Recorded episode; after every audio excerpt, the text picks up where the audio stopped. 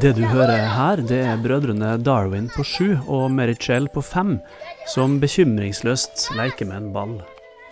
De to bor med familien sin i den lille landsbyen Puerto Merisalde i Colombia. Det høres fredelig ut, men Darwin og Merichel lever i et land som i mange år har vært herja av væpna konflikter. Drap, bortføringer og et svakt statsapparat. Noticia en desarrollo en Noticias Caracol. Derfor kom det som en overraskelse på mange at det i nyttårshelga skulle vært inngått en våpenhvile i Colombia. Forsiktig optimist tror jeg kan være riktig ord. I denne podkastepisoden fra Røde Kors så skal min kollega Morten, som du hørte her, han skal forsøke å forklare oss hvorfor ting er som de er i det latinamerikanske landet. Og gir den ferske våpenhvila det snakkes om, håp om en faktisk bedre fremtid? Jeg heter Roar Moltubakk, og du hører på podkasten Rødt lys fra Røde Kors. Jeg heter Morten Tønnesen Krokan og jobber i Røde Kors. Og jeg følger da særlig Latin-Amerika tett. Bare først, hva er det Røde Kors gjør i Colombia? I Colombia så er det jo et samarbeid da med Colombia Røde Kors. Det er jo særlig eh, helsearbeid vi driver med. Og det som er spesielt med, med Colombia, det er at eh, det er så store områder av landet som kontrolleres av væpnede grupper, altså ikke-statlige eh, og kriminelle. Og det gjør at lokale helsemyndigheter de kommer ikke frem med hjelp. De tør ikke, og de får ikke lov. Og der, må vi, der kan vi, da, sammen med Colombia Røde Kors, der kan vi få frem hjelpen. Fordi at Røde Kors eh, blir akseptert og tolerert eh, over hele landet. Og Da handler det om å snakke med folk, gjør det ikke? Ja, det handler veldig mye om tillit. Um, og så er det jo sånn at uh, Røde Kors er jo nøytral, uh, tar jo ikke side. Um, og i Colombia så, så vet folk, altså både myndigheter, de kriminelle, nær sagt alle vet at Colombia Røde Kors, de hjelper alle hvis du er i nød. Og det vet de fordi at Colombia Røde Kors aldri har tatt side i den veldig komplekse egentlig, situasjonen og konflikten da, som har vært og fortsatt eh, stedvis er i Colombia. Ja, Du snakker om en litt sånn kompleks eh, situasjon prega av mange ulike konfliktlinjer. Eh, sånn Kort fortalt, hva er den politiske situasjonen i Colombia, og hvem er det som har makt, og hvem er det som vil ha makt, og hvem er det som ikke har makt lenger, som hadde det? Altså, Vi hadde jo eh, fredsavtalen mellom eh, den største geriljaorganisasjonen, FARC, og myndighetene, som ble signert i 2016. Og så eh, la de ned våpnene, de aller fleste av de. Men etter at de liksom avsto kontrollen, så kommer det jo mange andre grupperinger opp. Og det gjelder jo både kriminelle gjenger og andre grupperinger, da, politisk motiverte grupperinger, eh, som, eh, som da eh, slåss om eh, makten i de, de områdene. Og det gjelder både narkotrafikk eh, og gruvedrift og, og andre og avskoging. Sånn at eh, situasjonen nå eh, er jo da at det er store deler da, av landet eh, hvor eh, staten og myndighetene ikke har eh, kontroll. Hva har det å si for befolkninga, da, i tillegg til det du nevnte om eh, helsevesen og problematikken knytta til det? For å gjøre det litt sånn enkelt, så er det jo Denne volden det, det fører jo til forsvinninger og kidnappinger eh, og drap. Um, det er masse tusenvis av mennesker eh, hvert år som må flykte eh, internt fordi det er farlig å være der. Men det gjør også at um, de ikke får hjelp, altså vanlige tjenester som vi er vant til her i Norge, helsetjenester og, og sånne ting. For at um, det, er jo, det er jo en de facto krig og konflikt mellom grupperinger og myndighetene, og også internt mellom grupperinger. Så det gjør jo at eh, folk eh, kommer litt sånn mellom kryssilden på et vis, eh, og blir stående på bar bakke og får ikke det de trenger da. Og det er jo der, er der Røde Kors kommer inn. Det er ikke noe fungerende Nav-kontor i de områdene der, kanskje? Nei, det er veldig dårlig med det. Så da, det er jo da altså over sju millioner mennesker da, som, eh, som trenger hjelp, humanitær hjelp, i et egentlig rikt land, ressursrikt land. Da Morten var i Colombia i fjor høst, så gjorde det spesielt sterkt inntrykk å snakke med helsearbeidere som fortalte at de rett og slett var redde for å utføre jobben sin. Vi var i eh, Buenaventura, som er da eh, nordvest langs Stillehavskysten. Det er en av de viktigste havnebyene eh, i Colombia, og dermed også utfartsåret da, av, av narkotika. Der er det strid og kamp mellom disse væpnede gjengene. Det er gjenger som går opp i fraksjoner som slåss mot hverandre igjen. Og da snakket vi bl.a. snakket vi med noen eh, lokale helsearbeidere. Eh, og de sa jo det rett ut at eh, altså de, de, vet jo at folk trenger hjelp. De vet at det er kronisk syke, at det er infeksjonssykdommer og folk som trenger helsehjelp. da vanlige, egentlig vel, ofte vanlige sykdommer som er lett å behandle.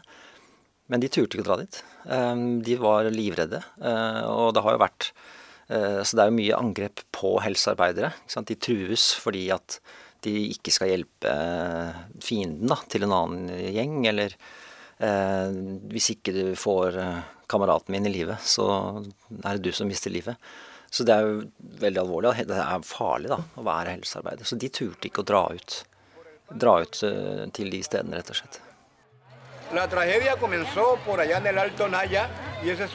Det her det er Oskar, en mann i 60-åra, som Morten møtte på forrige reise til Colombia. Oskar har en helt spesiell og nødvendig rolle for at hjelpeorganisasjoner som Røde Kors skal kunne komme seg inn i de mest voldelige områdene for å yte humanitær hjelp.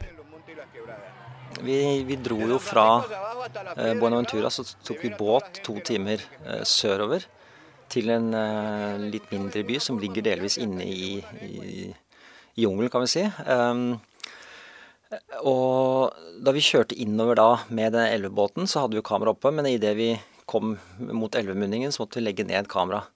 Fordi langs elvebredden så er det jo eh, både eh, altså hva skal vi si, produksjon da, av kokain, og også utfers, utferdselsbrygger.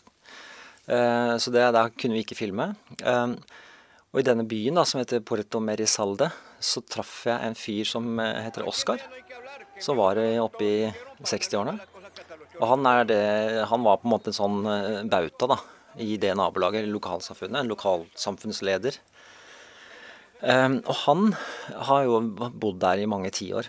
Uh, og vet jo, han har jo sett de som regjerer der nå, har han jo sett spille fotball som uh, guttunger, ikke sant, som småbarn.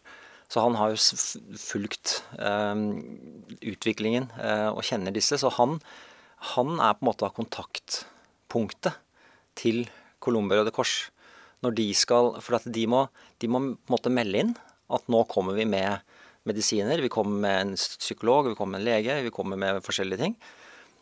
Og så snakker han, denne Oscar, da, snakker han med de ulike gjengene og sier at nå kommer Røde Kors, og de skal bare yte uh, humanitær hjelp.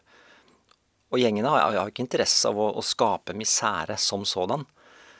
Uh, og så ringer han da, Colombia Røde Kors og sier fra at ja, nå har vi gjort en avtale, så nå kan dere komme. Som en slags humanitær korridor da, oppover elva der? Ja, eh, både elven og også i, i selve byen. da, at eh, hvis, du, hvis, du, bare kommer dit på måfå, så det kan, det kan, godt gå bra, det. Men det er ikke sikkert. Eh, fordi eh, er du turist da, og tar opp kamera, så kan det være livsfarlig. For de vet ikke hvem du er og hvilke motiver du har. da, Så det er jo hypersensitivt.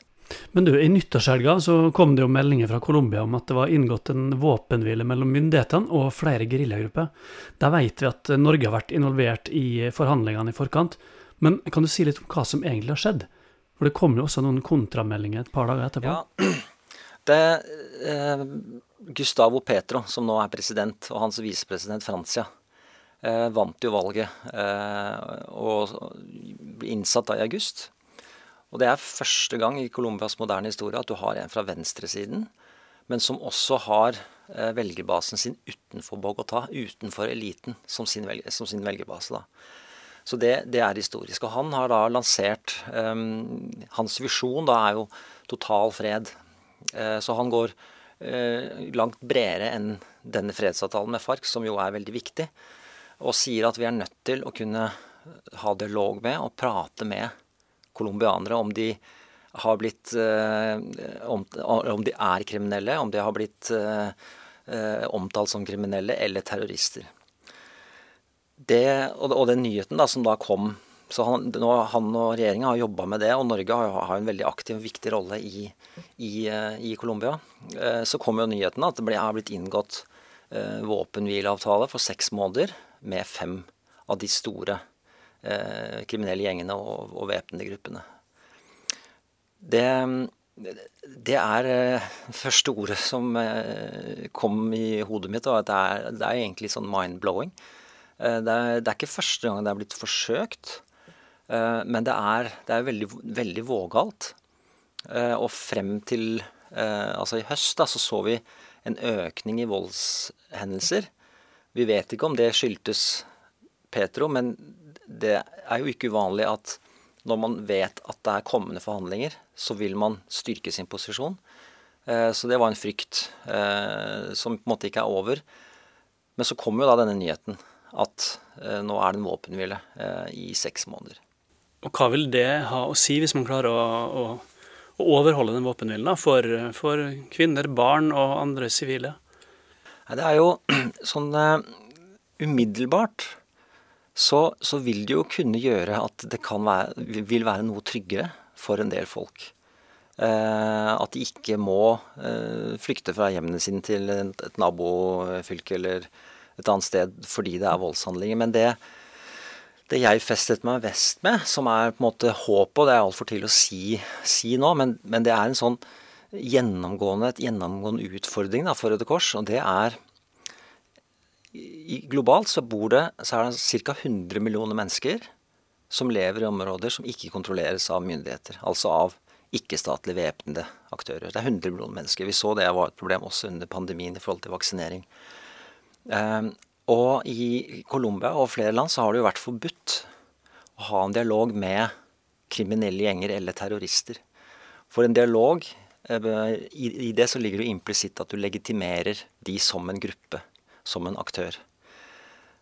Men det, når Petro nå sier og åpner opp for at man kan ha dialog, så vil det også kunne si at Røde Kors kan ha en dialog. Det, der ligger håpet. Det er for tidlig å si nå. Eh, men, og hvorfor er dialog viktig? Jo, det er for litt sånn tilbake til Oscar, da. Eh, I, i Poeto Merisalde så sier jo Oscar til disse gjengene nå kommer Røde Kors. Og da kan de svare tilbake denne uken her er det farlig. Men neste uke Vent til neste uke, da er det kanskje tryggere. Nå, i en sånn situasjon som vi har nå, da, med, med, med denne våpenhvilen, så er jo håpet at vi kan ha direkte dialog uten at det er straffbart ifølge colombiansk lov, eh, for å, for å, få sikkerhetsgarantier. Så vi tar sånn at rollen til Oscar og, og, og tilsvarende ikke blir like nødvendig. Eh, og dette er ikke et problem bare i Colombia. Så det, det, er, eh, det, er, stort. Det er ikke bare Latin-Amerika vi har det problemet. Så, da, så jeg er veldig spent på hvordan dette kan Forsiktig optimist tror jeg kan være riktig ord på denne situasjonen. Så bra. Tusen takk for praten, kollega Morten Tønnesen Krokan. Du har hørt podkasten Rødt lys, produsert av Røde Kors.